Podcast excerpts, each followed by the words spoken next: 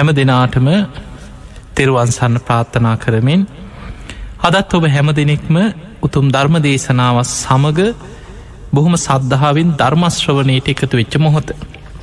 පිංහතුනේ අදාපි කතා කරන්න මේ බුද්ධ ශාසනය තුළ හසූ මහා ශ්‍රාවකයන් වහන්සේලාට අයිති. සද්ධාවෙන් පැවිදිවන්නන් අතර අග්‍රස්ථානය ලබපු උතුම් මහරහතන් වහන්සේ නමක් පිළිබඳව. මේ මහරහතන් වහන්සේ පුදුමාකාර උත්සාහයක් දරලා පුදුම උපවාසයක් කරලා. ජීවිතයේ පැවිදි භාවයට පත්වෙන්න ධර්මාවබෝධය කරා යන්න තමන්ගේ දෙමවපියන් ඥාතීන් යාළුමිට්‍රයෝ එක්ක පුදුම සටනක් කරලා පැවිදි වෙච්ච කෙනෙක් මේ බුද්ධ ශාසනය තුළ. ඒ උතුම් මහරහතන් වහන්සේ මීට කල්ප ලක්ෂයකට පෙර පියවමතුරා බුදුරජාණන් වහන්සේගේ කාලි තමයි එදා දම්පින්කං කරලා බුදුරජාණන් වහන්සේට දිනහතක් පුරා මහාදානයක් පූජා කරලා ප්‍රාර්ථනාවක් කරේ. මට අනාගත බුද්ධ ශාසනයක සද්ධාවෙන් පැවිදිවන්නන් අතර අග්‍රස්ථානයම ලැබේවා කියන ප්‍රාර්ථනාව. පිංහතුනේ මීට කල්ප ලක්ෂයකට පෙර පියවමතුරා බුදුරජාණන් වහන්සේත් පහළ වෙන්න පෙර. එදා දඹදිව බොහෝම දනවස් සිටුවරු දෙන්නෙක් හිටි. මේ දෙන්න හරීම මිට්ටයි යාලූ දෙන්නේ. එදා දඹදිව හිටපු ධනවත්ම සිටුවරයෝ දෙන්න. මේ දෙන්න පොරුදු වෙලා හිටිය ඉරදිමත් තාපසයෝ දෙන්නෙකුට බොහෝම ගෞරව කරමින් නිතර තමන්ගේ සිටු මැදුරට ආරාධනා කරලා දම් පින්කම් පවත්වනවා. ඒ වෙනකොට බුද්ධ ශාසනයක් නෑ බුද්ධ ශූන්‍ය කාලයක් බුද්ධ ශාසනයක් නැති කාලික. හැබැයි මේ තාපසවරු දෙන්න හොඳට භාවනා කළ හිත වඩලා ඉරදිමත් තාපසවරු දෙන්නේ. එක තාපසෙක් ඉරදියෙන් මනෝමේ ශරීරෙන් නිතර දිවිය ලෝකෙට ගිහිල තවතිසා දිවිය ලෝකයේ සක්‍ර දෙවියන්ගේ ඒ උයනේ දවල් විවේක කාලෙ ගත කරන. නිතර සක්‍ර දෙවියන් ඇසුරු කරනු. මේ සක්‍ර දෙවියන්ගේ සැප සම්පත් දකිනවා. ඒවගේම තවත් එරදිමත් තාපසයෙක් හිටියා මේ තාපසියත් හිත දියුණු කරලා මනෝ මේ ශරීරෙන් නිතර නාගලෝකිටයන්. මේ නාග රජ්ජුරුවන්ගේ සැප සම්පත් නිතර දකිනෝ නාග රජ්ජුරුව බොහෝ සැප සම්පත් විඳින කෙනෙක් හැටියටයි මේ ඉරදිමත් තාපසිය දැක්කේ. එතකොට මේ තාපසවරු දෙන්නටම මේ සිටුවරු දෙන්න නිතර දන් පැන් දෙනවා පුද පූජා කරන. අර දිවියලෝකෙට යන මේ ඉරදිමත් තාපසයා ඒ තමන්ට දම්පින්කං කරන තමන්ට උදව් කරන සිටුවරයට නිතර ආශිර්වාද කරේ ඔබ මේ දම්පින්කං කරනවා ඔබ මට මේ විදිහට සලකනවා උපස්ථාන කරනවා මේ පිනෙන් ඔබට සක් දෙවිඳුටසේ තවතිසා දෙව්ලොව සක්‍ර දෙවියන්ට වගේ සැප සම්පත් මේ පිනෙන් ලැබේවා කියලා ආශිර්වාදයක් කර මොකදේ කාල නිවන් පැතීමක් නෑ බුද්ධ ශාසනයක් තියෙන කාලයක් නෙවෙයි. එදකොට මේ සිටුවරයාගේ හිත නැමුණේ සක්‍ර දෙවිය වෙලා උපදින්න තවතිසා දෙව්ලොව සැප සම්පත් අනේ මටත් එහෙනම් ලැබේවා. ඒ ප්‍රාර්ථනින්ම මේ ඉර්දිමත් තාපසියට දම්පින්කං කරමින් හිටිය. ඒ වගේම අනිස් සිටුවරය. ඒ සිටුවරයා දන් පින්කං කරන්නේ අර නාගලෝකෙට ගිහින්ගෙන මේ ඉර්දිමත් තාපසයට. ඒ තාපසය ආශිර්වාද කරන්නේ ඔබට නාලුව නා රජ්ජුරුවන්ට වගේ සැප සම්පත් ලැබේවා. ඔබට නාග රාජ්‍ය රාජ්‍ය සම්පත්තිය මේ පිනෙන් ලැබේවා. ඔහුගේ හිත නැමුණේ නාග රාජ්‍යයේ මේ නාග රජ්ජුරුව වෙලා උපදින්න හිත නැමුණ ඒ සිටුවරයාගේ හිත. මේ දෙන්නම දම්පින්කං කරලා සිටුවරු දෙන්න මිය ගිහිල්ලා එක සිටුවරේ තවතිසා දෙව්ලොව සක්‍ර බවනි සක්‍ර දෙවියන් වෙලා ඉපදුන. අනෙක් සිටුවරයා මිය ගිහිල්ලා බොහෝ දම්පින්කං කරලා නාගලෝකි නාග රජ්ජුරු වෙලා ඉපදුන. ඔය කාලි තමයි පියවමතුරා බුදුරජාණන් වහන්සේ මීට කල්ප ලක්ෂයකට පෙර දඹදිව් තලේ පහළ වුණේ. මේ සක් දෙවියන් පියමතුරා බුදුරජාණන් වහන්සේ ඇතුළු දහස් ගණන් සංඝයාට ආරාධනාවක් කරා ස්වාමීණී භාක්‍යතුන් වහන්ස මහා සංඝයා පිරිවරාගෙන තවතිසා දෙව්ලොවට වැඩම කරන සේක්වා. බුද්ධ ප්‍රමුඛ සංඝයාට මන් දිවිය ලෝකයේ දිවිය භෝජනවලින් දානයක් පූජා කරනොත් දින හතක්ම. බුදුරජාණන් වහන්සේ ආරාධනාව පිළි අරගෙන සංඝයා පිරිවරාගෙන ඉරදිමත් සඟ පිරිස සමඟ දෙව්ලෝට වැඩිය. මේ සක්‍ර දෙවියන් දින හතක් පුරා පියවමතුරා බුදුරජාණන් වහන්සේ ඇතුළු මහා සංඝයාට දන්දීලා එදා ප්‍රාර්ථනාවක් කරා ස්වාමීනී භාක්‍යතුන් වහන්ස මන් දින හතක් පුරා මේ දම්පින්කං කරලා ප්‍රාර්ථනා කරන්නේ මට අනාගත බුද්ධ ශාසනී සද්ධාවෙන් පැවිදිවන්නන් අතර අග්‍රස්ථානය මට ලැබේවා කියල ප්‍රාර්ථනාවක් කර. බුදුරජාණන් වහන්සේ දැක්ක මේ ප්‍රාර්ථනාව ඉෂ්ට වෙන. බුදුරජාණන් වහන්සේ වදාළ ඔබ ඔය විදිහට පින් දහම් කරන්න පාරමී පුරාගෙන යන්න තව කල්ප ලක්ෂයක් ගියතැන්. ගෞතම බුද්ධ ශාසනය ඔබ රට්ටපාල නමින් සද්ධාවෙන් පැවිදිවන්නන් අතර අග්‍රස්ථානය ලබලවුතු මරහත්වයට පත්වෙලා සංසාර ගමන අවසන් කරනවා කියල ඉස්සල්ලාම කල්ප ලක්ෂයකට පෙරයි පිවමතුරා බුදුරජාණන් වහන්සේගෙන් විවරණ ගත්තේ. ඒවගේම අර නාගලෝක හිටපු නාග රජ්ජරුවොත් දවසක් බුද්ධ ප්‍රමක සංඝයාට ආරාධනා කරා සාමීනී නාගලෝකීට වඩින්. දින හතක්ම බුද්ධ ප්‍රමුඛ සංඝයාට මන් දන් දෙනවා. බුදුරජාණන් වහන්සේ ආරාධනාව පිළි අරගෙන මහා සංඝයා සමඟ නාගලෝකට වැඩිය. පිංහතුනි මේ නාග රජ්ජුරුව දානශාලාවේ ආසන පනවල තිබ්බේ කවාකාර විදිහට සම්පූර්ණ රවුමට තමයි ආසන පනවල තිබ්බේ. බුදුරජාණන් වහන්සේට බොහෝම ගෞරවාන්විතව ආසනයක් පනවල තිබ්බ. මැනික් කතුරපු මේ රන් අසුනක් නාගලෝකේ නාග රජ්ජුරු පනවල තිබුණ. ඒ වගේම අග සෞදනම ඊළඟට මහා ශ්‍රාවකයන් වහන්සේලා මේ ශාසනී පිළිවලට ඔක්කෝම වාඩි වුණාට පස්සේ අර රවුම කෙලවරම වාඩි වුණේ ඒ වෙනකොට බුද්ධ ශාසනය හිටපු අවුරුදු හතක් වගේ වයස ඇති. ඒ බුදුරජාණන් වහන්සේගේ ගිහි කල පුට්‍රත්නය. මේ සාමනීර සාමීන් වහන්සේ දිහා අර නාග රජ්ජුරුව බලනවා බුදුරජාණන් වහන්සේ වගේමයි. මේ පුංචි හාන්දුරන් වහන්සේගේ රූප සම්පත්තිය බුදුරජාණන් වහන්සේ අසලම වාඩි වෙලායින්න මොක දර රවුම වටේට ගිහි ලවසන් වෙනකොට වයිස පිළිවලට පුංචිම කෙන අනි පැත්ත කෙලවරේ බුදුරජාණන් වහන්සේ ළඟින්ම තමයි වැඩහිටි. බුදුරජාණන් වහන්සේට මහාපුරුෂ ලක්ෂණ තිස් දෙකක් තියෙනවා. ඒ වගේ මේ වගේම මහාපුරුෂ ලක්ෂණ පිහිටල තිබුණ එදා ඒ ගිහි කල පුට්‍රත්නය වෙච්ච ඒ ස්වාමීන් වහන්සේට. උන්වහන්සේ බොහෝම සික්ෂාකාමි. බොහොම සංවර බොහොම තැම්පත් කෙනෙ බුදුරජාණන් වහන්සේ වගේමයි රූපකාය. ඒ වෙලා මේ නාග රජ්ජුරුවන්ගේ හිත ඇදිලගේ මේ පුංචි ස්වාමීන් වහන්සේ ගීරි අව්වට. අනි සංඝයාගෙන් ඇහු අර කවුද බුදුරජාණන් වහන්සේ ළඟින්ම උන්වහන්සේගේ දකුණු පසින් වැඩඉන්නේ කවුද කියලැහු. ඒ වෙලාව අනි භික්‍ෂූන් වහන්සේලකි ඔය තතාගතයන් වහන්සේගේ ගිහි කල පුට්‍රත්නේ. උන්වහන්සේ ඔහොම හිටියට බොහෝම සික්ෂාකාමී කෙනෙක්ය.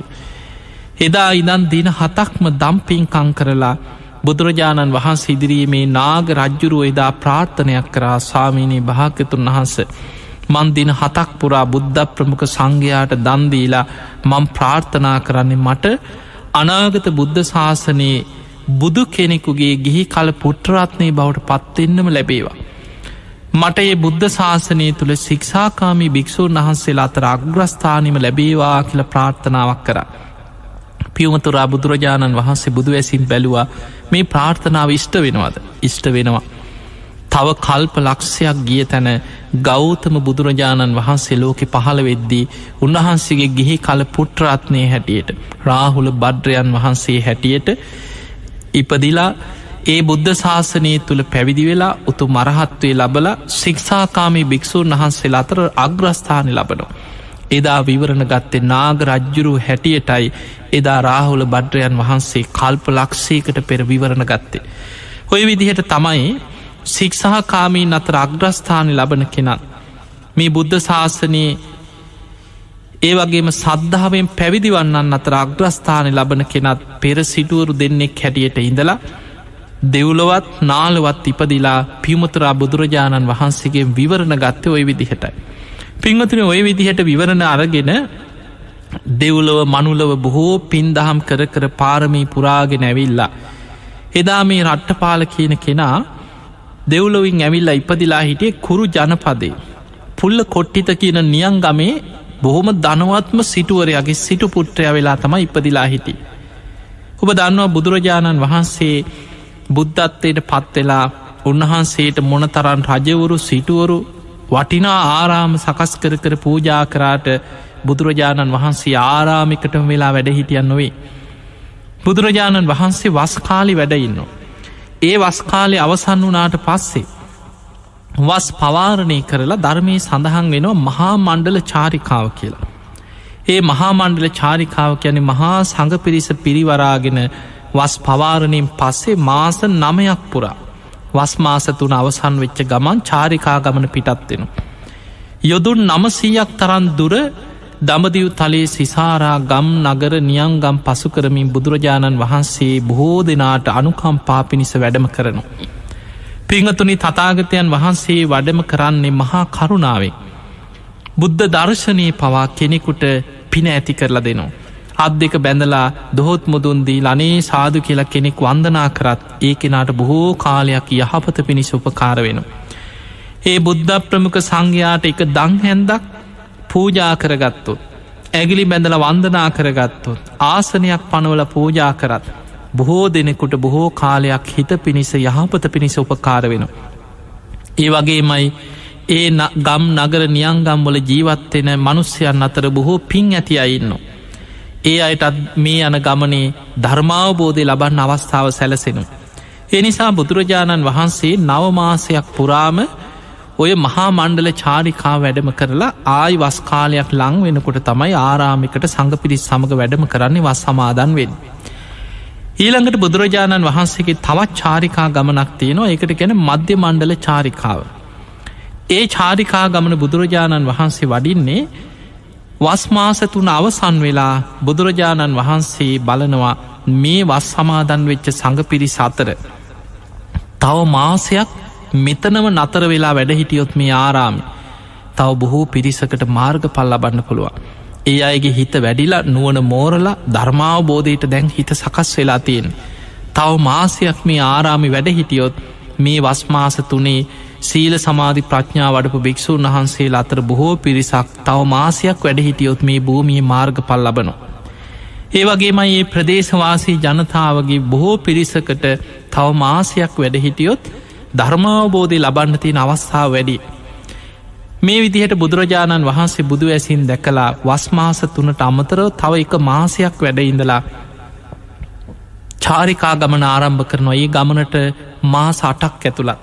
යොදුම් හයසීයක් තරන් දුර බුදුරජාණන් වහන්සේ සංඝයා පිරිවරාගෙන ගම් නගර සිසාරා ධර්ම දේශනා කරමින් වැඩම කරනවා. ඒකට කිනම් මධ්‍ය මණ්ඩල චාරිකාව. ඊළඟට පිංහතුනේ බුදුරජාණන් වහන්සේගේ තවත් චාරිකා ගමනක් තියෙන ඒ ගමනට මාස හතක් තමයි. යොදුන් තුන්සීයක් තරන් තුඩ වැඩම කරනවා. අර වස්මාස තුන අවසන් වෙලා තව මාසයක් ඉඳලා බුදුරජාණන් වහන්සේ මහා කරුණා සමාපත්තිය ලෝකෙ දිහා බලනකොට තව එක මාසයක් ඒ ආරාමිම වැඩහිටියොත්. තව බොහෝ පිරිසකට මාර්ග පල් ලබන්න පුළුව. බුදුරජාණන් වහන්සේ බුදු ඇසින් දකිනෝ. ඒ කාරණා හොදට වටහාගන්න බුදුරජාණන් වහන්සේ තව එක මාසයක් එතන වැඩිපුර වැඩ එකෙන මාස පහක් එකම තැන වැඩඉන්නවා සඟ පිරිස සමඟ. ඊළඟට මාස හතක චාරිකා ගමනක් වැඩම කරනවා යොදුන් තුන්සීයක තරන් දුරක් වඩිනු. මේ විදිහට බුදුරජාණන් වහන්සේ බුදු වෙලා වැඩහිටි අවුරුදු හතලිස් පහ පුරාවටම උන්වහන්සේ දඹදියු තලේ සිසාරා ගම් නගර පුරා වැඩම කරමින් ධර්ම දේශනා කරමින් සම්බුදු කෘත්‍යය උන්වහන්සේ සිදු කරා. මෙහෙම වැඩම කරපු ගමනේ කුරු ජනපදේ අදොයි කුරු ජනපදය කියලා කියන්නේ වර්තමානවේ දිල්ලිය කියෙන ප්‍රදේශේ. ඔබ අහල ඇති කුරු ජනපදේ කම්මස්ස ගම්ම කියන නියංගමේ තමයි සතර සතිපට්ඨාන දේශනා බුදුරජාණන් වහන්සේ දේශනා කරලා තියෙන්. එතකොට ඒ කුරු ජනපද ආශ්‍රිතව තියෙන පුල්ල කොට්ටිත කියන නියංගමට එදා බුදුරජාණන් වහන්සේ සංඝයා පිරිවරාගෙන වැඩම කරා. එහෙම වැඩම කරපු ගමනේ බොහෝ පිරිසක් දැම් බුදුරජාණන් වහන්සේ වැඩියට පස්සේ කීර්තිරාවයක් පැතිරෙනවා. ඒක බොහෝ දේශනාවල සඳහන් වෙනවා බුදුරජාණන් වහන්සේගේ බණහන්න මිනිස්සු එකතු වෙන්නේ මේ බුදු කෙනෙක් වැඩියා කියලා නෙමේ ඒ කාලි වැඩිපුර ගෞරව කරේ උන්වහන්සේගේ කුලේට මොකද ඉන්දියාව කියන්නේ ඒ වගේ හරියට කුල මාන්‍යෙන් ඉදිමිච්ච මිනිස්සු හිටපු රටක්. මිනිස්සු අතර කීතිරාවයක් පැතිරෙන අන්න අපේ ගමට සාක්‍ය පුට්‍ර ශ්‍රමණයන් වහන්සේ වැඩම කරලලු. සාක්‍ය කුලින් නික්මිලා පැවිදි වෙච්ච.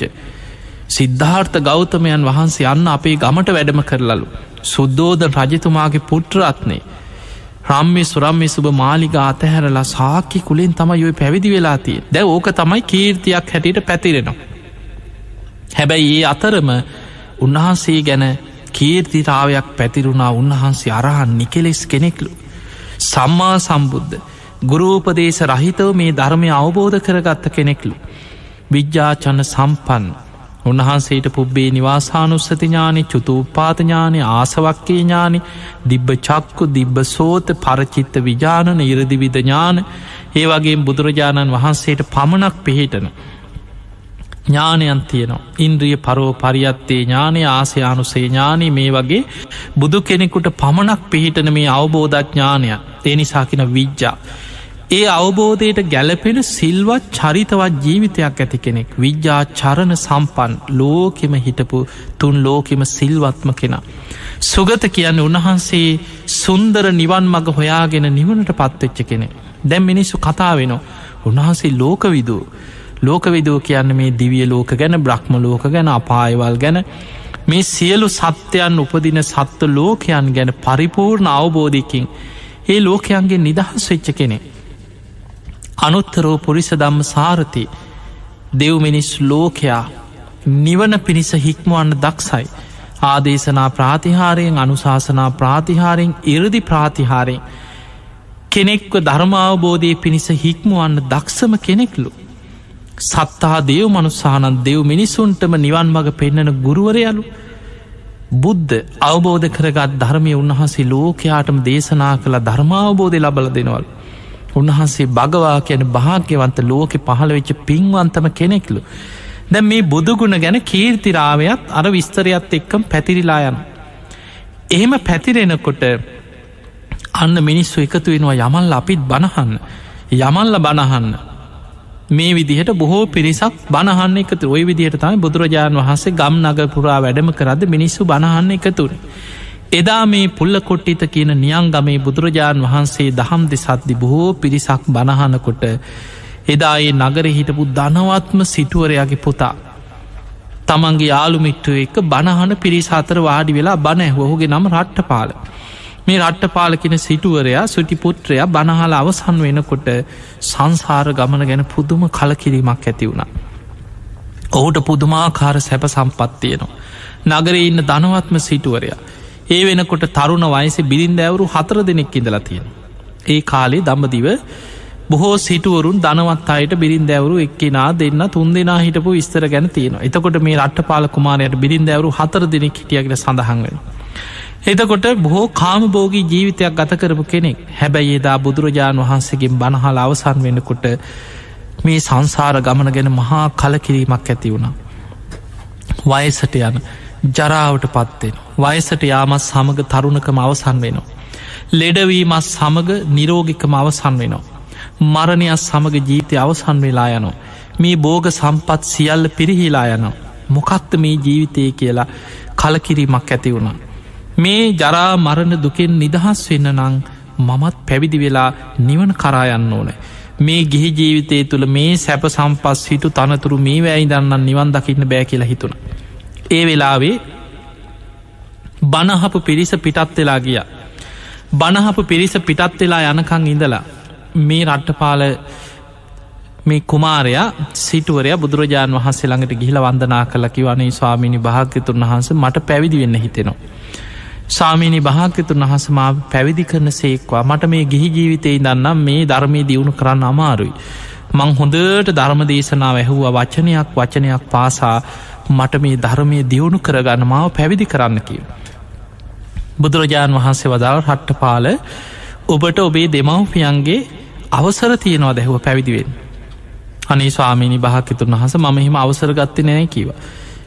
ඒවෙලේ බුදුරජාණන් වහන්සේ වද රට්ට පාලනි මේ බුද්ධ ශාසනය තුළ දෙමවපියන්ගේ අවසර නැතුව කුළදරුවන් පැවිදි කරන්න නෑ කියව. මොකද ඒ වෙනකොට ඒ නීතිය පනවල අවසාන. පුංචි රාහුල හාමුදුරුව මුල් කරගෙන තමයි මේ නීතිය බුද්ධ ශාසනය තුළ පැනෙවුයි. ඒ නිසා දෙමවපියන්ගෙන් අවසරාරගෙනන්න කිය. හොඳයි ස්වාමීනී කියල දැ රට්ට පාලකුමාරයක් ගිය. හැබැයි දන්නවා මේක ලේසි දෙයක් නෙමේ. දැන් ගිහිල්ලා අම්ම තාත්ත දෙමවපියෝ අර බිරින්දෑවරු මේ ඔක්කෝම වාඩි කරවලා දැන් අර අහපු බණ විස්තර කර කර කිව්ව මේ සංසාර ගමන භයානකයි. මේ වගේ ජරාවට පත්වෙනවා ලෙඩ වෙනවා මේ මොන සැප සම්පත් තිබ්බත් මේ එකක්කත් මරණය අත්තේ කරගෙන යන්න පුළුවන් දෙයක් නෙමේ මට මේ ධර්මය අවබෝධ කරගන්නනේ අනේ අම්ම අනේ තාත්ති මට පැවිදි වෙන්න ඕනෑ කියලා ඔන්න දෙමවපියන්ගෙන් අවසරඉල්ලෝ. දෙමවපියෝ එක හෙලාම කියා හිටිය අපි නං අවසර දෙන්නෑ කියෝ. අපි මැරුණත් උඹට නං අවසර දෙන්නෑ කියෝ පැවිදිවෙන. මිච්චර සැප සම්පත්තිබිලා මේ තරන් දනදහන්න ඉතින අපේ පවුල එකම පුතා. හට්ට පාල් කුමාරය කියන මේ සිටු පවුලේ හිටපු එකම දරුව. ඒ නිසා අපිට නං අවසර දෙන්න බෑකිව. අපි ජීවතුන් අතර ඉන්නකං අපි නම් පැවිදිවෙන් අවසර දෙන්නෑ කියලා දැන් දෙමවපියෝ දැඩිසේ කියා හිටිය. අවසානයේ කරුණු කිව්වා කිව්වා දෙමවපියන්ට පැහැදිලි කරා කරා එක ක්‍රමයකටවත් හරියන්නේ පිළිගන්නෙම නෑ. අවසානි බැරිම තැන රට්ටපාල කුමාරයා මිදුලට ගිහිල්ල මිදුලේ උඩු වැලි අතර නිදාගත්තා. නිදාගෙන දැඩි අධිෂ්ඨානයක් ඇති කරගත්තා. මම කෑම කන්නෙත් නෑ. වතුර බොන්නෙත් නෑ. නැකෙටින්නෙත් නෑ. මෙතන මැරිලගියදේ. මැරුණත් මට පැවිදිවෙන්න අවසර දෙනකම් මන් නැකෙටින්නේ. මට පැවිදි වෙලා ගුණධර්ම පුරන්න නිවන් දකිින් අවසරයක් දෙන්නේ නැත්නං ඊට වඩා හොඳයි මේ මිදුලෙම මැරිලා යනයක කියලා ඔන්න මිදුල නිදාගත්ත. දැන් දෙමවපියොත් හිතන්න ඇති ආ හොම ඉදලා හවසෙනකොටෝක ගෙටේ කියලා. දැන් ඔන්න හිටිය බලාගෙන නෑ කෑමටික ගිහින් දුන්න නැකිටල කන්න කිවෝය බොරු නැතුව කනව කිව. නෑ කෑම කන්නෙත් නෑ වතුර වීදුරත් දුන්න නෑ පා කියෝ. දැන් ඔන්න වේල දෙක තුනේ යනකොට දෙමවපියුත් දැනක දරුවට ආදරේ. ඒ වෙලේ දැනගත්ත දැම් බය වුණා. දැන් ආහාර ගන්නි නෑ. වේල් හතක් කිසිම ආහාරයක් නොගෙන. දැන් දවස් දෙක හමාරක් පමණ මේ බිම වැතිරිලා මිදුල ඉන්නවා නිදාගෙන ඔන්න උපවාස. මේ නිවන් දකින්න මේ පංචකාමයන්ගේ මිදිලා ධර්මය කරායන්න මේ කාමයන් අතහරඉන්න කරපු උපවාසි ශාසනය තුළ. දැන් මිදුල නිදාගනන්න ආහාරගන්නෙත් නෑ වතුර වීදුරුවක් බොන්නෑ නැහිටින්නේ නෑ මං මැරිච්චදෙන් කියලා හිතාගෙන හිටිය.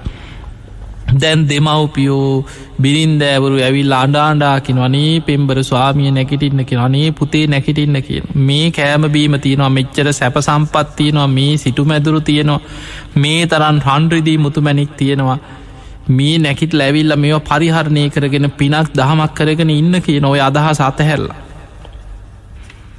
හැබැයි රට්ට පාල කුමාරයනේ වච්චනයක් කතා කරන්න. එහෙමම උඩු බැලි අතට වැතිල්ලයින්න. අවසානි දෙමවපියෝ කල්පනා කරා මේ පුතාව කොහොම හරි හිත වෙනස් කරන්න නම් ඊළඟට ඉන්න යාළුව ටික. යාළුව හම්බෙලා ඒ අයවකි දැනුවත් කරානම් ඕහම නැකිට්ටෝල ගණඩ පුළුව. දෙමවපියෝ ගියා යාළුව මුණ ගැහෙන්. ගිහිල්ල රට්ට පාල කුමාරයාගේ යාළුවන්ට කිවන්න මේ කුමාරයට මොකක්ද ලෙඩක් හැදිලා මේ පැවිදිවෙන්න ඕනැලු කිහිල්ල මොලේ පාදල අනේ දරුවනේ මේ අන්න නිදාගෙන ඉන්න උඩුබැලි අතර දැන් කන්නේ බොන්නෑ දවස් ගානක් මිදුලේ. ගිහිල්ල නැකිට්ටෝල ගන්නේ කිව කරුණු කියල්. දැන් යාලුව ටිකාමිතාති අපි දන්නවා කිව යාව නැකිට්ටෝ ගන්න. දැන් ආව. ඇවිල්ල දැන් අර යාලුව තියෙන දන්න යාලු කංගොලින් හිතවත් කංගොලින් දැම් පුළුවන් තරං උත්සාහ කරන නැකිට්ටවන්න නෑ. හෙල්ලෙන්නේවත් නෑ. කෑම කවන්න හදනෝ කන්නේ නෑ. වතුර එකක්කත් බොන්නේ නෑ. කටටවත් ගන්න නෑ වතුර උගුරක්කත් මං මෙතන මැරිච්චදෙන් මට පැවිදිවෙන්න අවසරයක් දෙන්න නැත්නම් මං කන්නේ බොන්නේ නෑකි දැන් ඔන්න රට්ටපාල කුමාරයා දැන් යාළුවොත් දන්න උපක්‍රම සියල්ල කියලා කියලා බැලුව බැලුව හරියන්නෙම නෑ. අවසානයේ ඔවුන්ටත් හිතුන දැම් මේ කුමාරයට ඇඟට පනත්නෑ ඇයි වේල් ගාන කාහාරනෑ දවස් ගානක් දැන්. මිදුලේ උපවාසයක් පැවිදි වෙනකම් පැවිදිවෙන්න අවසර දෙනකා. ඒ වෙලාවේ යාළුව කල්පනා කර අපි මෙහෙම උපක්‍රමයක් යුදම්. අම්ම තාත්තට ගිහින් කිව්වා දැන් කරන්න දෙයක් නෑ. මෙහෙම මිදුලෙ මැරිලා යනවට වඩා ඔය පැවිදි වුණුත් කොහේ හරි සිවුරක් දරාගෙන ඉන්නවනේ. ඔය ටික කාලයක් හිටියට පස්සේ ගෙදර එන්න ඇල්ල අපි කොහොමරි සිවරු ගලෝල ගම කීවා ගෙදරට. එතකන් දැන් ඔය ඔය උණුසුමේ හා කියලා අවසර දෙන්න. පස්සේ අපි උපක්‍රමසීලීව සිවරු ගලෝල ගම කීව ගෙදරට. අම්ම තාත්ත කල්පනා කරා ඒ අදහසත් හොඳයි. ඒ නිසා ඔය අවසරදීලා දැන් ඊට පස්සේ ගෙදරට එන්න කියලා සිවරු ගලෝල ගන්නංකෝ අදහස වෙනස් වෙනවා තව ටික දවසකින් කියලා හිතුන් එහෙම හිතිලා ඊට පස්සේ ඇවිල්ලකව පුතේ දැන් ඉතින් මොනව කරන්නද? එහෙම නං ඉතින් අපි කැමති කීව ඒනං ඉතින් ගිහිල්ල පැවිදි වෙන්නකි දැන් ඔන්න දෙමවපියන්ගේ කැමැත්ත ලැබුණ. දැන් රට්ට පාල කුමාරයට නැකිට ගන්නවා තැඟට පණනය දවස් ගාන කාහාරයක්නේ දැන් යාලුවෝ සේවකයෝ එකතු වෙලා බොහොම අමාරුවෙන් අර හිටපු තැනින් උත්සල අරගෙන කෑම බීම දීලා දැන් යන්තන් ඇඟට ශක්තියාව. බොහෝම සතුටෙන් දෙමවපියන්ගෙන් අවසර අරගෙන දැංගියා බුදුරජාණන් වහන්සේ මුණ ගැහෙන්. ඒ වෙනකොට තතාගතයන් වහන්සේ නගරේ ධර්ම දේශනා කරමි වැඩඉන්න. බුදුරජාණන් වහන්සේ මුණ ගැහිල්ල ගිහින් වන්දනා කලකය සාමිනි භාකතුන් වහස මට දෙමවපියන්ගෙන් අවසර ලැබුණ. මාව පැවිදි කරන්න. මේ බුද්ධ ශාසනය තුළ මේ රට්ටපාල ස්වාමීන් වහන්සේ උතුම් පැවිදි භාවයට පත් වුණ. දැම් පැවිදි වෙලා අඩමාසක් එකෙන සති දෙකක් පමණ කාලයක් බුදුරජාණන් වහන්සේ සමඟ මේ පුල්ල කොට්ටිත කියන නියන් ගමේ වැඩවාසය කරලා බුදුරජාණන් වහන්සේ මහා සඟ පිරිස පිරිවරාගෙන සැවැත් නුවරට චාරිකා ගමන ආරම්භ කර. එදකොට ඒ kuරු රට ඉඳං කුරු ප්‍රදේශයේ ඉඳං බොහෝ දුරක් යොදුම් ගානක් ඇත තමයි සැවැත් නුවර පිහිටලතිය. දැන් මේ රට්ටපාල ස්වාමීන් වහන්සේත් බුද්ධ ප්‍රමුඛ සංඝයා සමඟ සැවැත් නුවරට වැඩිය. වැඩම කරලා දැන් තමන්ගේ ගමත් නෙමේ ඈත පලාතක සැවැත් නුවර දැන් වැඩවාසය කරන හොඳට බණ භාවනා කරනවා භික්‍ෂූන් වහන්සේලා සමග ධර්ම කතාවේ දෙනවා බුදුරජාණන් වහන්සේගෙන් කමටහන් අරගෙන බඩ භාවනා කරලා ටික කාලයයි සියලු කෙලෙසුන්ගෙන් මිදිලා උතු මරහත්වයට පත් වනා. දැන් රට්ට පාල මහරහතන් වහන්සේ. උන්වහන්සේ රහත් වෙලා. අවුරුදු දොළහක කාලයක් ගෙවිලා කිය. පැවිදි වෙලා දැන් අවුරුදු දොළහක් දැන් රහතන් වහන්සේ නම. දවසක් බුදුරජාණන් වහන්සේ ළඟට ප්‍රට්ටපාල මහරහතන් වහන්සේ වැඩම කරලා ඇහුව ස්වාමීණී භාකිතුන් වහන්ස මම පැවිදි වෙනකොට දෙමවපියෝ මට පොරොන්දුවක් වුණා මන් දෙමවපියන්ට ඒ තමයි පැවිදි වෙලා ඒ අය බලන්න නිතර එනවා කියල පොරොන්දුවක් වුණා මීට පෙරත් බුදුරජාණන් වහන්සකින් අවසරල්ල සාමිනී භාගතුන් වහස මම ගමට ගිහිල්ල මව් දෙමවපිය බලලඉන්න. හැබැයි බුදුරජාණන් වහන්සේ මේ රට්ටපාල ස්වාමීන් වහන්සේ කෙලෙස් සහිතව ඉන්න කාලි රහත් එන්න පෙර බුදුරජාණන් වහන්සේ අවසර දුන්නේ. රට්ටපාල මේ එයට කාලයෙන් නොවේ කියෝ. හැබැයි උන්වහන්සේ දැන් රහතන් වහන්සේ නම බුදුරජාණන් වහන්සේ දන්නුවත් දැන්නම් උන්වහන්සගේ හිත වෙනස් කරන්න කාටවත් බේ. බුදුරජාණන් වහන්සේ අවසර දුන්නා හොඳයි ඔබ වහන්සේ ඒ දෙමවපියන්ටත් අනුග්‍රහ පිණිස ඒ ගමට වැඩම කරන්න ඔබට අවසර දෙනවා කියලා ඔන්න බුදුරජාණන් වහන්සේ අවසර දුන්න. දැන් අවුරුදු දොළහකට පස්සේ රට්ටපාල මහරහත්තන් වහන්සේ බොහෝ දුරක් වැඩම කරමින් උන්වහන්සේ දැන් අර කුරු රට තමන්ගේ ගමට වැඩම කරා. පුල්ල කොට්ටිත කියන ගාමේ කෝරවයක් කියලා රජ කෙනෙක් තමයි ඒ රාජ්‍ය ඒ වෙනකොට පාලනය කරේ. මේ කෝරාවේ රජ්ජුරුවන්ගේ මිගහවීර කියලා උයනක් තියෙන. මේ උයනට තමයි ඉස්ස බොහෝ දුරක් ගෙවාගෙන වැඩම කරපු රට්ට පාල මහරහත්තන් වහසේ මේ රජ්ජුරුවන්ගේ උයනට වැඩම කරලා මේ උයනෙ වැඩ හිටිය. උයනෙ වැඩඉඳලා එදා පහෝදා පාන්දර සිවුරු පොරෝගෙන තමන්ගේ ගෙදරට සිටු මැදුරට උන්වහන්සේ පින්ඩ පාති වඩිනවා දැන් පාත්තර සිවුරු ඇතුව බිම බලාගෙන ද රහතන් වහන්සේ නම්. නිවස පැත්තට පින්ඩ පාති වඩිනවා. සිටුවරය තමන්ගේ පියතුමා නගර ඉන්න ධනවත්ම සිටුවරයා. කරනවෑමියෙක් ගෙන්නලා කොන්්ඩෙ කපනෝ මෙහෙම කොන්්ඩෙ කප කපා ඉන්නකොට සිටු ඇදුර ඇතින් දැක්ක ගෙවල් පැත්තට මේ ශ්‍රමණයන් වහන්සේ කෙනෙක් කෙනවා අඳුන ගන්න බෑමි පුතා කියලා අවුරුත් දොලාකට පස්සේ උන්වහන්සේ වඩින් ඒ වෙලාවේ පුද්දම කේන්තියක් ඇති වුණ. භික්‍ෂූන් වහන්සේලත් දකින කොටත් කේන්තියන ඒ වෙලේ සේවකයන්ට කතා කරලා කිවාන් ශ්‍රමණයෙක් කෙනවා මුඩු මහනෙක් කෙනවා කියවා ඔය වගේ එවුන් තමයිකි වැැවිල් අපේ එකම පුතාවත් ප්‍රවට්ටල අරගෙනකි. දැන්ව එන්නේ අපේ මේ මොනහරි දේපලකුත් නැති කරලා යන්න ඔයෙන්නේ කියෝ. ඒ නිසා ඉඩමටුවත් වද්ද ගණ්ඩිපා ඕම පන්නල දාන්න කියෝ. දැන් සේවකයන්ට කිව ගෙදරට තියා මේ පිලටවත් ඉඩමටවත් පද්ද ගණ්ඩිපා කියෝ. අප එකම පුතා රවට්ට ලරගෙනකි ඔන්න ඔය වගේ ශ්‍රමණයෝ තමයි කිය. දැන් ඉඩමට ඇතුල්ලෙන්න දුන්න සේවකයෝ කිව හා මෙහි බෑකිව ශ්‍රමණයන්ට මෙහි බෑකිවා කපටි ශ්‍රමණයෝ මේ හිටපු සිටපුට්‍රයවත් අරගෙන කිය මෙහි බෑකිව. රට්ට පාල මහරහත්තන් වහන්සේහේම බිව බලාගෙන ඒ පාරදිගේම වැඩම කරලා ඒ නිවසේ පිටු පස වෙනම පොඩි පාරක්තිනොේ පාරදිගේ වැඩම කරලා නිවසක පිලක් අයින උන්වහන්සේ බිම වාඩි වෙලා වැඩඉන්න. එහෙම වැඩ ඉන්නකොට මේ සිටු මැදුරේ සේවිකාව පිළිකන්නෙන් පිළුණු ඒගෙන යන පිට්ටු කෑල්ලක් වීසි කරන්න එලියට ගිහිල විසි කරන්න හදනකොට මේ රට්ටපාල මහරහත්තන් වහන්සේ කියනවා නැගනිය ඔය විසි කරනදේ මගේ පාත්තරයට බෙදන්න කිය. දැන් අර සේවිකාව ඇවිල ළඟට ඇවිල්ල කිව්වා සාමීනී මේක විසි කරන්න යන දෙයක් මේක පිළුණු ඒගෙන කමක් නෑ නැගනී හිත පහදවාගෙන පූජ කරන්න කිය. ඒ වෙලාවේ අර විසි කරන්න ගිය පිට්ටු කෑල්ල මේ රට්ටපාල මහරහත්තන් වහන්සේගේ පාත්තරයට අර දාසිය බෙදනකොට උන්වහන්සේගේ ඇගිල්ලි නියපොතු දැක්කා. දැකපු ගමන් අඳුන ගත්තා මේ අපේ සිටු පුට්‍රයා නේද? මේ සිටු මැදුරේ මේ සිටුවරයාගේ මේ පුතනුවන්නේද පැවිදි වෙච්ච මේ ඇවිල්ල ඉන්නේ? දාසිය අංග ලක්ෂණවලින් අඳුන ගත්තා අඳුනගෙන අර පිට්ටු කෑල පූජ කරලා හෙම දුවගෙන ගිහිල්ලා සිටු දේවියට අම්මට කීවා අන්න සිටු දේවිය ඔබේ පුට්‍රරත්නේ පැවිදි වෙච්ච පුට්‍රරත්නය යන්න සාමීන් වහන්සේ නමක් හැටියට ශ්‍රමණයෙක් හැටියට වැඩම කරලා ඉන්නවා. ඒ වෙලාවේ සිටුවරයට දැනුන් දුන්නට පස්සේ සිටුවරයක් පුද්දුම සතුටෙන් දැන් අම්මයි තාත්තයි. අපි කිව්වේ ගෙදර එනවා කියලා අපි කිව්වේ ඔන්න අවස්ථාව කියලා දැන් ඔන්න සිටු මැදුරෙන් එලියට ඇවිල්ලා දැන් තාත්තාව. එනකොට රට්ටපාල මහරහත්තන් වහන්සේ අර පිට්ටු කෑල්ල වලඳනවා. හැවිල්ල කිව මේ පුතේ මොකද මේ දැන් ස්වාමීන් වහන්සේ නමක් හැටියට නෙමේ දෙමව පිපිලික ඒ ගෞරවයක් ඒ දහම් දැනුමක් නෑ කිව මේ මේ සිටු මැතුරට ඔය මොකද කියව? පිළවල්ල වාඩලා මෙච්චර සැප සම්පත්තියන මේ මාලිගාවල් වගේ ගෙවල්තියන යන්යන් කිව හීට පස්සෙ කිව්වා පියතුමනි මේ මෙතන හොඳයි කිව මට.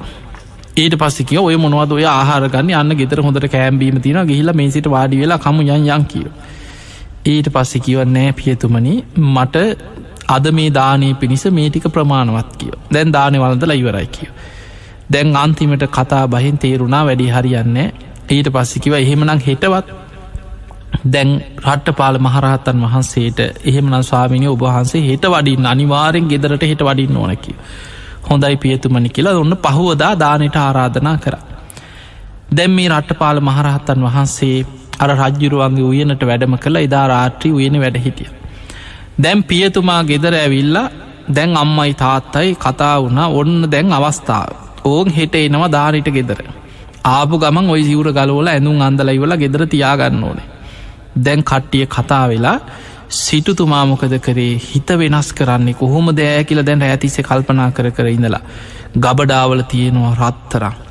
රිදී මැනික් වර්ග තමන්ට පරම්පරාවෙන් ලැබිච්ච ඒ වස්තුව තියෙනවා දායාද වස්තුව මේ ඔක්කෝම සාලි මැද්දෙ ගොඩ ගැහුව මනුස්සේත් තරං උසට රන්රිදී මැනික් වර්ග ගොඩ ගහල ගොඩ ගහල කලාලෙකින් වැැහුව වහල ඉවර වෙලා ඊළඟට ආසනයක් පැනෙව්වයි ආසනය ළඟම අර ගිහි කාලි බිරින්ද ඇවරුන්ට කතා කරලා කිව දුවේ ඔන්න හෙට නුඹලට අවස්ථාව කීව ඒ කාලේ ඔබේ ස්වාමයා යම් ඇඳුමක් ඇඳලා ඉන්න ආස කරානං. ඔබ යම් විදිහකට ඇඳල පැළඳලා ඉන්නවට ආස කරානං ඒ වගේම ඇඳල පැළඳලා හෙට ඒ ඇඳුම් වලින්ම සැරසිලා ඔන්න ආවට පසේ කොහොමහරි තියෙන මායන්ටික දාලා අල්ල ගනින් කියෝ. දැන් අර බිරින් දැවරු හතර දෙනාවත් දැන් අන්දල ලස්සන්ට තිබ්බ දැන් අම්මට කිව්වා පුතා ගෙදර ඉන්නකොට කන්න බොන්න ආසකරපු කෑම වර්ග තියෙනවනම් ඒවම හිට හදන්න කියව. දැන් ගෙදර ඔක්කොම ලෑස්ති වෙලා ඉන්න ආපු ගමන් අල්ල ගන්න දැන් ඇඳනු ලෑස්ති කල තිබ සිවරු ගලුල අන්දව රට්ටපාල මහරහතන් වහන්සේ උදෑසන සිවරු පොරෝගෙන් නිවසට වැඩිය. ඒ වැඩම කරපු ගමනේ දැන් පිළිගත්ත ස්වාමිනි වඩින්න කියලා දැන් ඔක්කෝ මොළුවේ තියාගෙන උන්වහන්සේට ආසනයක් පනවල වාඩි කෙරෙව. ඒ වාඩි කිරුවට හැබැයි මේ දානි බෙදන්න දැන් අදහසක් නෑ උන්වහන්සේ වැඩ හිටියට පස්සේ අර කලාලවලින් වහලා තියෙන මේ රන්රිදී මේ වස්තුව ඇරල පෙන්වා මෙන්න බලන්න කියවා. මේ තියෙන්නේ ඔබේ මව්ගෙන් මට ලැබිච්ච ඒ දායාද වස්තුව කීව. මගේ පියාගේ පාර්සවින් ලැබිච්ච වස්තු අතින් ක්‍රාන්ත ඒව මේ පමණයි කියලා සීමා කරන්න බැරි වස්තුවක් තියෙනවා කිව ගබඩාවල තැම්පත් කරලා. මේ බලන්න කිව මේ මැනික් මේ තියෙන රත්තර මේ අපිට තියෙන දේපල ඒ නිසා මේවා පරිහරණය කරගෙන පිනක් දහමක් කරගෙන මේ පංචකාමයන් මිඳගෙන මේ සිටු සම්පත් විඳගෙන ඔය සිවුරු අතහැල්ල ගෙදරට වෙලා ඉන්න කියව. ඒ වෙලාවේ රට්ටපාල මහරහත්තන් වහන්සේ කිනො පියාණන ඔබ මං කියන දේට ඇහුම් කන් දෙනවනම් මෙන්න මේක හිතට ගන්න කිව. මේ වස්තුව කෝම ගැල්වල නක්ගල මේවා ගැල්වල පටවලා කරත්තවලින් අරගෙන ගිහිල්ලා හිරන්නේවතිී නදියට ගිහිල්ලා ගඟට දාන්න කියෝ. එතකොට මේවා නිසා යම් සෝකයක් පරිදේවයක් දුක්ක දෝමනස් උපායාසයක් හටගන්නවද වස්තුව නිසා උපදින ඒ සෝක පරිදේව දුක්ක දෝමනස් උපායාස එතනින්ම නැති වෙනවා කියව. තැම් බලන්න පිංහතුනි මිනිස්සු මේ වස්තුව නිසාම දේපල වස්තුව නිසාම කොච්චර සෝක කරනවද. ඒවා නැතිවෙයි කියලා කොච්චර බයින් ජීවත්වෙනවාද. ඒ ආරක්ෂා කරගන්න මොනතරං උපක්‍රම යොදනවාද. තමන්ගේ වස්තුව රැකගන්න කොච්චර සෝක පරිදේව දුක්ක දෝමනස් උපායාස හටගන්නෙම පංචකාමයන් නිසාමයි. රට්ටපාල මහරහතන් වහන්සේකෙන පියාණනයෝය වස්තුූ කෝම කරත්තවල පටවල ගිහිල්ලා ගඟට දාන්න කියව. එතකොට මේවා නිසා හටගන්න සෝක පරිදේව දුක්ක දෝමනස සියල්ල එතනින් නැති වෙලා යනවා කිය. දැන් ඔන්න වස්තුව පෙන්නල වැඩි හරිගියත් නෑ.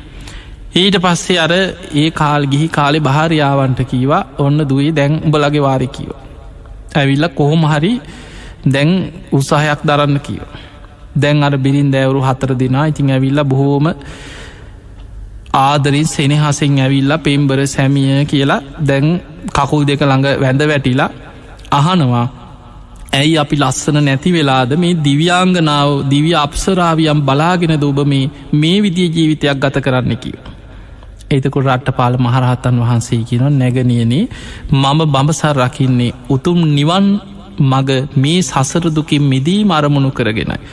එහෙම කියනකොට මර භාරයාවන්ට මේ නැගනියනි කියලා කීව කියලා හෙම සමහරුන්ගේ පපුුව හිර වෙලා කලන්තෙ හැදුන. හනේ මගේ මේ පෙම්බර ස්වාමියමට නැගනිය කීවා කියලා ඔන්න ඒ වැඩි හරි ගියත්නෑ. දැන් ඒ අයට සිහි කල්පනාවනේ. ඒ වෙලාවේ මේ රහතන් වහන්සේ බැලුව දාන දෙන පාටක් නෑ දැන් හැමෝගෙම උපක්‍රමේ සිවුරු ගලවගන්න එච්චරයි. ඊට පස්සේ බලපුහා මම්ම පැත්ත කණ්ඩ අඩයින්න ඇහුව මෑනියන මට ආරාධනා කරී දානයක් පූජ කරන්න නේද.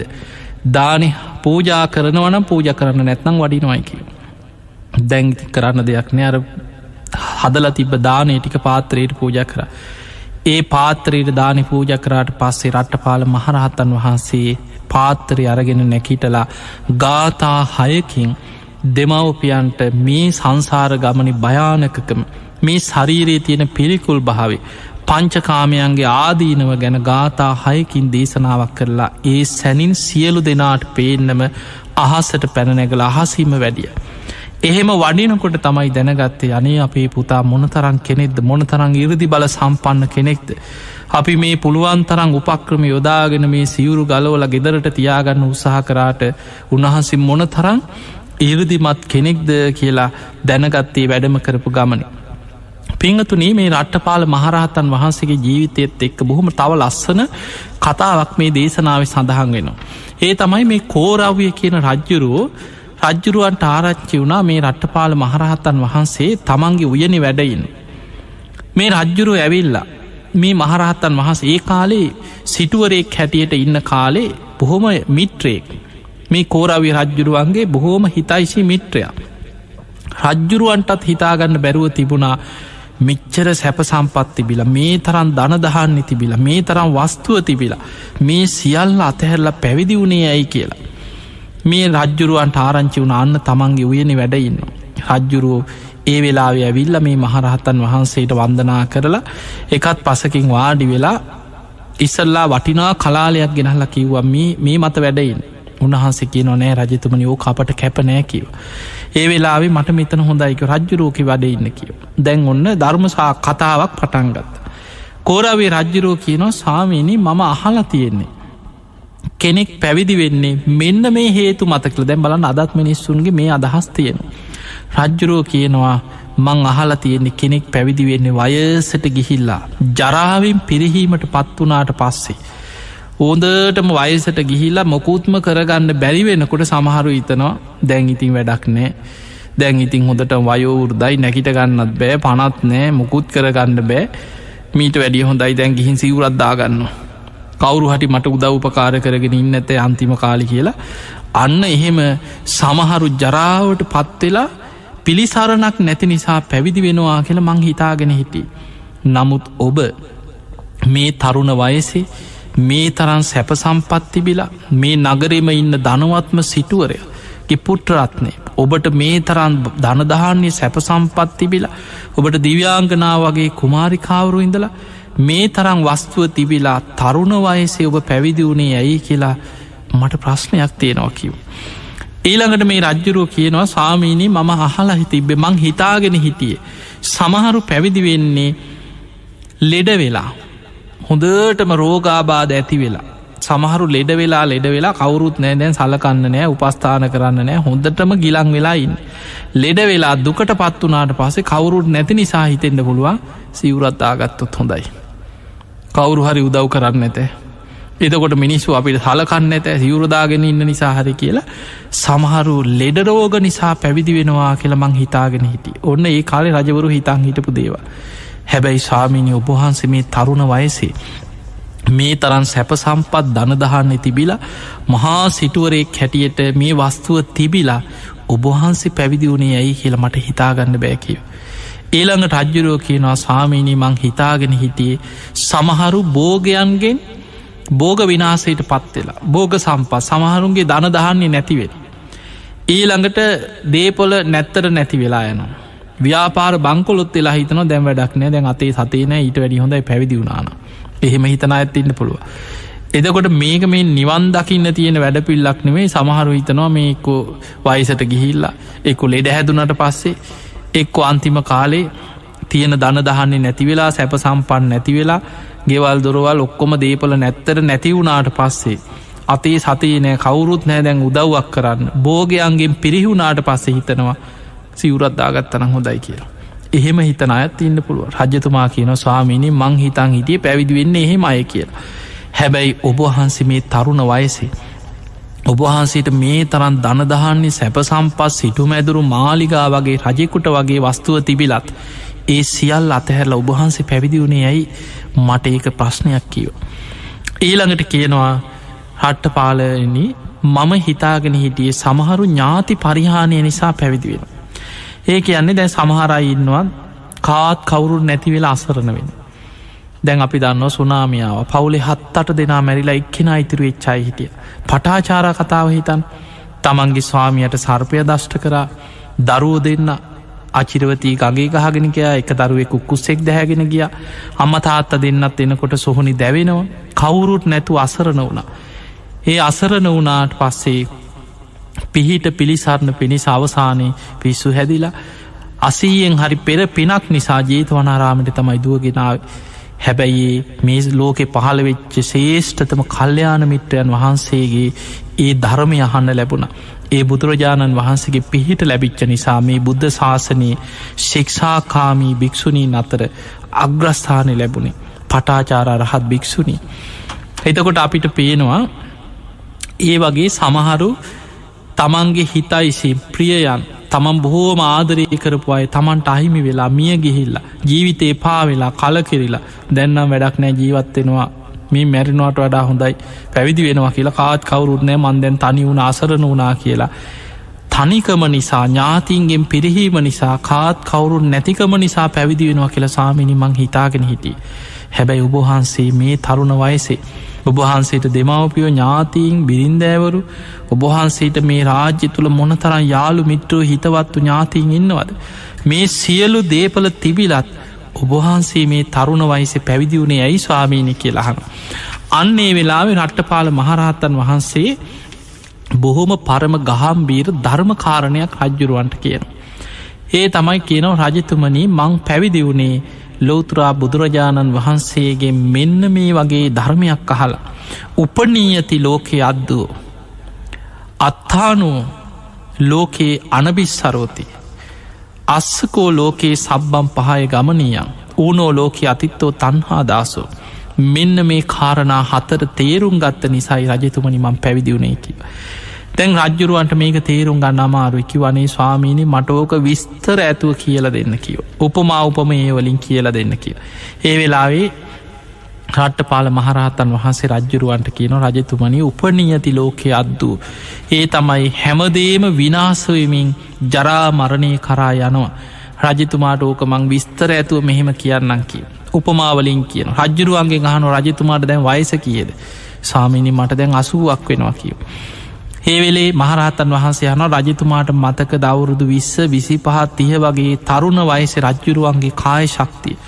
එතකොට රජ්ජුරුවෝ බොහෝම උද්දාමෙන් කියනවා ස්වාමිනි ඒ කාලෙමං බොහොම දක්ෂයිකිනො සටන්වලට මං කඩුහරඹෝලට බොහොම දක්ෂයි අහසට පැනනැගල අහසේ කඩුහරඹ දක්වනවා. මං අස්වයම් පිට නැගලා බොහෝ ශිල්ප දක්වපු කෙනෙක් ඒ කාලෙ මං බොහොම දක්ෂයි. එතකොට මහරතන් වහන්සයන් රජතුමනි දැන් හනේ ස්වාමිනී දැන්නම් මට කඩුව උසගන්නවා පණනය කියෝ. මට ඉඳගත්තොත් නැකිට ගන්න අමාරුයි කියෝ. කොන්දරි දෙනවා අත පයිරි දෙනවා දැම්මන් ජරාවට පත්වෙලා කියෝ. ඒ වෙලාවේ මේ මහරහත්තන් වහන්සේ කියන රජතුමනි ඔන්න ඔය ධර්මතාවේ. උපනීයති ලෝකයේ අද්දූ කියලා බුදුරජාණන් වහන්සේ විස්තර කළ දේශනා කිරීමේ ලෝකයාම ජරාවට පත්වෙනු. හැමදේම ජරා මරණයෙන් හැමෝම ජරාවට පත්වෙලා මරණය කරා යන හැබැයි බොහෝ දෙනෙකුට ඕක තේරෙන්නේ මැරෙන්න්න වැටුනට පස්සේ. රජතුමනි මන් තරුණ වයසෙම මේ සියලු දේවල් නැසිලා වෙනසිලා කාය ශක්තිය නැති වෙලා ජරාවට පත්වෙනවා කියන කාරණය තරුණ වයසෙදිම තේරුම් ගත්ත නිසයි කිව මේ සැප සම්පත් සියල් අතහැල්ලමං උතුම් විමුක්තියක් කරමුණු කරගෙන පැවිදි වුණේ කිව. රජ්ජුරුව සාධු කාරදීල කිවා සාධු සාධු ස්වාමීණී මට තේරුණා තේරුණා කිව. අනේ සාමීනී ඔබහන්සේ අර අනික් කාරණයක් මට කියල දෙන්න කිව. අත්තා නෝලෝක අනබිස් සරෝති ඒ මොකක්දේ කාරණයක. ඒවෙලේකින රජතුමනී කිසිම පිහිටක් නෑ අපි මේ සංසාර ගමනේ අසරණයි කිව. අනේ ස්වාමීනී මට කියලා කියල දෙන්න කිවා අපි කොහොමදේ අසරණ වෙන්නේ. ඒ වෙලාවෙ කියනවා රජතුමාට රෝග පීඩා තියෙනවද කෙලැහව. ඒ වෙලේ කියන අනේ සාමීනි මට වාතාබාධයක් තියෙනවා කියෝ. මට උදේ නැකිටිනකොට අමාරමේ ඇඟ පතමරී දෙනවා. ඊළඟට ඔළුවරී දෙනවා. මගේ ඇගේ මේ වගේ අසනීපතිනවා මේ වගේ රෝග පීඩා තියෙනවා කිය. ඒ වෙලාවෙ කියනවා රජතුමනී දැන් ඔබට ඇමතිවරු ඉන්න. ඔබට බිරින්ද ඇවරු ඉන්නවා දේවිවරු ඉන්න. රාජ පුතුන් ඉන්න. ඔබට මේ තරම් වස්තුව තියෙනවා. ඔබට පුළුවන් දැහවා මගේ මේ අසනීපේ භාරගන්න කියලා කාටවත් භාරදෙන් පුළුවන්කමක් නෑ ඔබ අසරණයි කියව. ඒ නිසා රෝග පීඩා ඉදිරිය ඔබ අසරණයි කියව. ඒ නිසා මෙන්න මේ කාරණය ලෙඩවෙන්න කලින්ම මන් තේරුම් ගත්ත කියව. ඒ තේරුම් ගත්ත නිසයිකිවත් තරුණ වයසෙම මේ සියලු සැප සම්පත් අතහැල්ල මං පැවිදිවුණේ. අනේ සාදු සාධ ස්වාමීනී මට ඒ කාරණය තේරුණා කියව. ඊළඟ කාරණය හනවා සාමීනී අස්සකෝ ලෝකයේ සබ්බම් පහය ගමනීය මොකද ස්වාමිනි ඒ කාරණය. ඒ වෙලාවෙ කියනවා රජතුමනී මේ වස්තුව සියල්ල අතහැරලා මම මගේ මගේ කියලා මේ සියල්ල පිළිගත්තත් මේ ඔක්කොම අතහැල්ල දාලා යන්න වෙනවා. ඒ කාරණී බුදුරජාණන් වහන්සේ විස්තර කර. දැන් රජතුමාට මේ වස්තුව තියෙනවා රාජ්‍ය තියෙනවා. මේ රාජ්‍යයේ මේ මේ වගේ මාලිගාවල් තියනවා මේ රාජ්‍ය හැම දෙයක්ම රජ්ජුරුවන්ට අයිති. හැබැයි රජතුමා මිය පරලව ගියොත් ආයි රජතුමාට මේව ලැබෙනවද කියලැහව අනේ ස්වාමීනී මං මිය ගියොත් මං කරගත්ත පිනක් කුසලයක් අනුව කොහේ හරි උපදී ඊට පස්සේ මට මේව ලැබෙන්නෑ කිය. එදකොට බලන්න ඔබම හිතන්න ඔබට කොච්චර දේපල වස්තුව මොනවා තිබුණත් ආයි මැරුණත් මැරුණට පස්සේ ඔක්කොම අතහරින්න වෙනවා. ආයි මනුස්සලෝකෙ කොහේ හරි ඉපදිලා දරුවෙක් හැටියට ආවත් පරණ පෙරජීවිතයේ දේපල වස්තුව හම්බෙනවාද. ඒව හම්බෙන්නේ ඒ නිසා රජතුමනී මොන රජකංකරත් සිටුකංකරත් මාලිගා තිබුණත් රත්තරං කඳුගහගෙන හිටියත් මේ මම මගේ මගේ කියලා මොනවා තිබුණත් මේ සියල්ල අතහැරල යන්න වෙනවා. රජතුමනි මේ කාරණය මන් තරුණ වයසෙදිම තේරුම් ගත්ත කියව. ඒ බනහල බුදුරජාණන් වහන්සේගේ ධර්මය මට ඒක වැටහුණ. ඒ නිසයි කිව තරුණ වයසෙම මේ සියල් අතහැල්ල මං පැවිදි වුණේ කියව. අනේ සාදු සාදු සාමීනි මට තේරුණා වැටහුණාකි සාමීනි තව එක කාරණයක් තියෙනවා ඌනෝ ලෝක අතිත් වූ තන්හාදාසෝ සාමීනි මොකක්ද ඒ කාරණය මට ඒක විස්තර කරලා දෙන්න කිය. ඒ වෙලා උපමාවලින් කියනවා රජතුමනී රජතුමාට මේ රාජ්‍ය තියනවා මේ රාජ්‍ය වස්තුව තියනවා. රජතුමාට හිතවත් අමාත්‍යවරු හතර දෙනෙකුත් තවත් විදේශ රටකින්ගෙන අමාත්‍යවරෙක් ඇවිල්ල කියනවා රජතුමනී උතුරු දිසාාව රාජ්‍යයක් තියෙනවා මී මැස්සො නැති මී වදයක් වගේ. කිසිම කරදරයක් නැතුව යටත් කරගන්න පුළුවන් මේ වගේ වස්තුව තියෙන රාජ්‍යයක් රජතුමාට පණ විඩියාව රජ්ජුරු මොකද කරන්නේ. ස්වාමිනි මම මගේ සේනාවත් එක්ක ගිහිලයි රාජ්‍ය යටත් කරගන්නවා කිය. ඊළඟට අනි පැත්තෙන්ගෙන අමාත්‍යවරකෙන රජතුමනී දකුණු දිසාාව විශාලට සැප සම්පත්තියන රාජ්‍යයක් තියෙනවා කිසිම සටනක් නැතුව අයිති කරගන්න පුළුව. එතකොට රජ්ජුරුම ස්වාමිනි මං ඒකත් අයිති කරගන්නවාකි. අර හතර දිසාවිම තියෙන රාජ්‍ය හතරම අයිති කරගෙන. ඊළඟට මේ භූමියෙන් එහා වෙන දූපතක තියෙන රාජ්‍යයක් ගැන පණවිඩයක් එනවා. ඒකත් අයිති කරගන්න පුළුවන් වස්තුව තියෙන. රජ්ජුරුව මොකද කරන්න ස්වාමිනිමන් සේනාව එක්ක නැව්වල හරි නැගල ගිහිල ඒ රාජ්‍යත් අයිති කරගන්න. දැන් තමන්ගේ රාජ්‍යයි හතර දිසාාව රාජ්‍ය හතරයි අර දූපතේ රාජ්‍යයි ඔක්කොම හයක් තියෙන. මේ රහතන් වහන්සේ හන රජතුමා ඔය රාජ්‍ය හයේම ඇඳං හයක එකවර නිදාගන්නවද කෙලෙහු. නෑ එක රාජ්‍යයක එකවර නිදාගන්න. ඔය රාජ්‍ය හයේම මාලිගා හය එකවර ඉන්න පුළුවන්ද. බෑ. තැටි හයක රන් තැටි හයක එකවර කෑමකණ්ඩ පුළුවන්ද. නෑ. එතකොට මේ මොන තරන් ලැබුණත් කවදාවත් තන්හාාවට ଦାස වෙලා. ඌනෝ ලෝක අතිත් වූ තන්හා දාසු. ලෝක සත්වයා හැමදාම තන්හාාවෙන් හොයනවා හොයනවා කවදාව ටෘප්තිමත්වීමක් තියෙනවද. නෑ මොන තරන් සැප සම්පත් ලැබුණත් කොච්චර රාජ්‍ය ලැබුණත්. බුදුරජාණන් වහන්සේ වදාලා රන් කහවනු වැස්සක් වැස්සත් කවදාවත් ඇති ඇති කියල හිතෙන්නෑ කියන. නහයටම යට වෙලා තිබ්බත් හිතෙනවා තව ටිකක් වහිනවනන් කියලා හිතෙනවා. ඒ වගේ මේ කෙලෙස් වලින් කවදාවත් තෘප්තියක් ලබන්න බෑ කිය. ඒ කාරණේ මං වටහාගත්ත නිසාමයි රජතුමනි තරුණ වයසෙ මේ සියලු දේවල් අතහැල්ල පැවිදි වුණේ කියල රට්ටපාල මහරහත්තන් වහන්සේ කෝරවේ රජ්ජුරුවන්ට මේ කරුණු කියනකොට රජ්ජුරුව පැහැදුන. පිංහතුනී මෙන්න මේ මහරහත්තන් වහන්සේ තමයි මේ බුද්ධ ශාසනය තුළ සද්ධාවෙන් පැවිදිවන්නන් අතර අග්‍රස්ථාන ලැබුවේ රට්ටපාල මහරහත්තන් වහන්සේ. එදකොට මේ වගේ බලන් අපිට පේනවා බුද්ධ ශාසනය තුළ කල්ප ලක්ෂයක් පාරමී පුරාගෙන ඇවිල්ලා පැවිදිවෙන් මොන තරන් සටනක් කරාද. තමන්ගේ දෙමවපියෝ ඥාතීන් යාළුමිට්ටයෝ ගිහි ජීවිතය හිටපු බිරින්දෑවරු සියලු දෙනා මොන තරං උපක්‍රම යෙදුවත් උන්වහන්සේට පුළුවන් වුණා උපවාසයක් හරි කරලා තමන්ගේ අරමුණ ජයගෙන පැවිදි වෙලා ධර්මාවබෝධය කරායන් ඒ තමයි මේ බුද්ධ ශාසනය තුළ අසූ මහා ශ්‍රාවකයන් වහන්සේලාට අයිති සද්ධාවෙන් පැවිදි වන්නන් අතර අග්‍රස්ථානය ලබපු රට්ටපාල මහරහතන් වහන්සේ. ඒ උතුම් රට්ටපාල මහරහතන් වහන්සේට අපගේ නමස්කාරීම වීවා කියල හදවතින් ඔබ වන්දනා කරන්න.